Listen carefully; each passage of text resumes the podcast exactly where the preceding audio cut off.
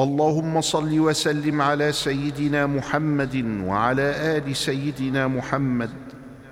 وهب لنا به صلى الله عليه وآله وسلم من رزقك الحلال الطيب المبارك. ما تصون به وجوهنا عن التعرض إلى أحد من خلقك. واجعل اللهم لنا إليه طريقا سهلا من غير فتنة مضلة ولا محنة مخلة ولا منة ولا تبعة لأحد. اللهم آمين.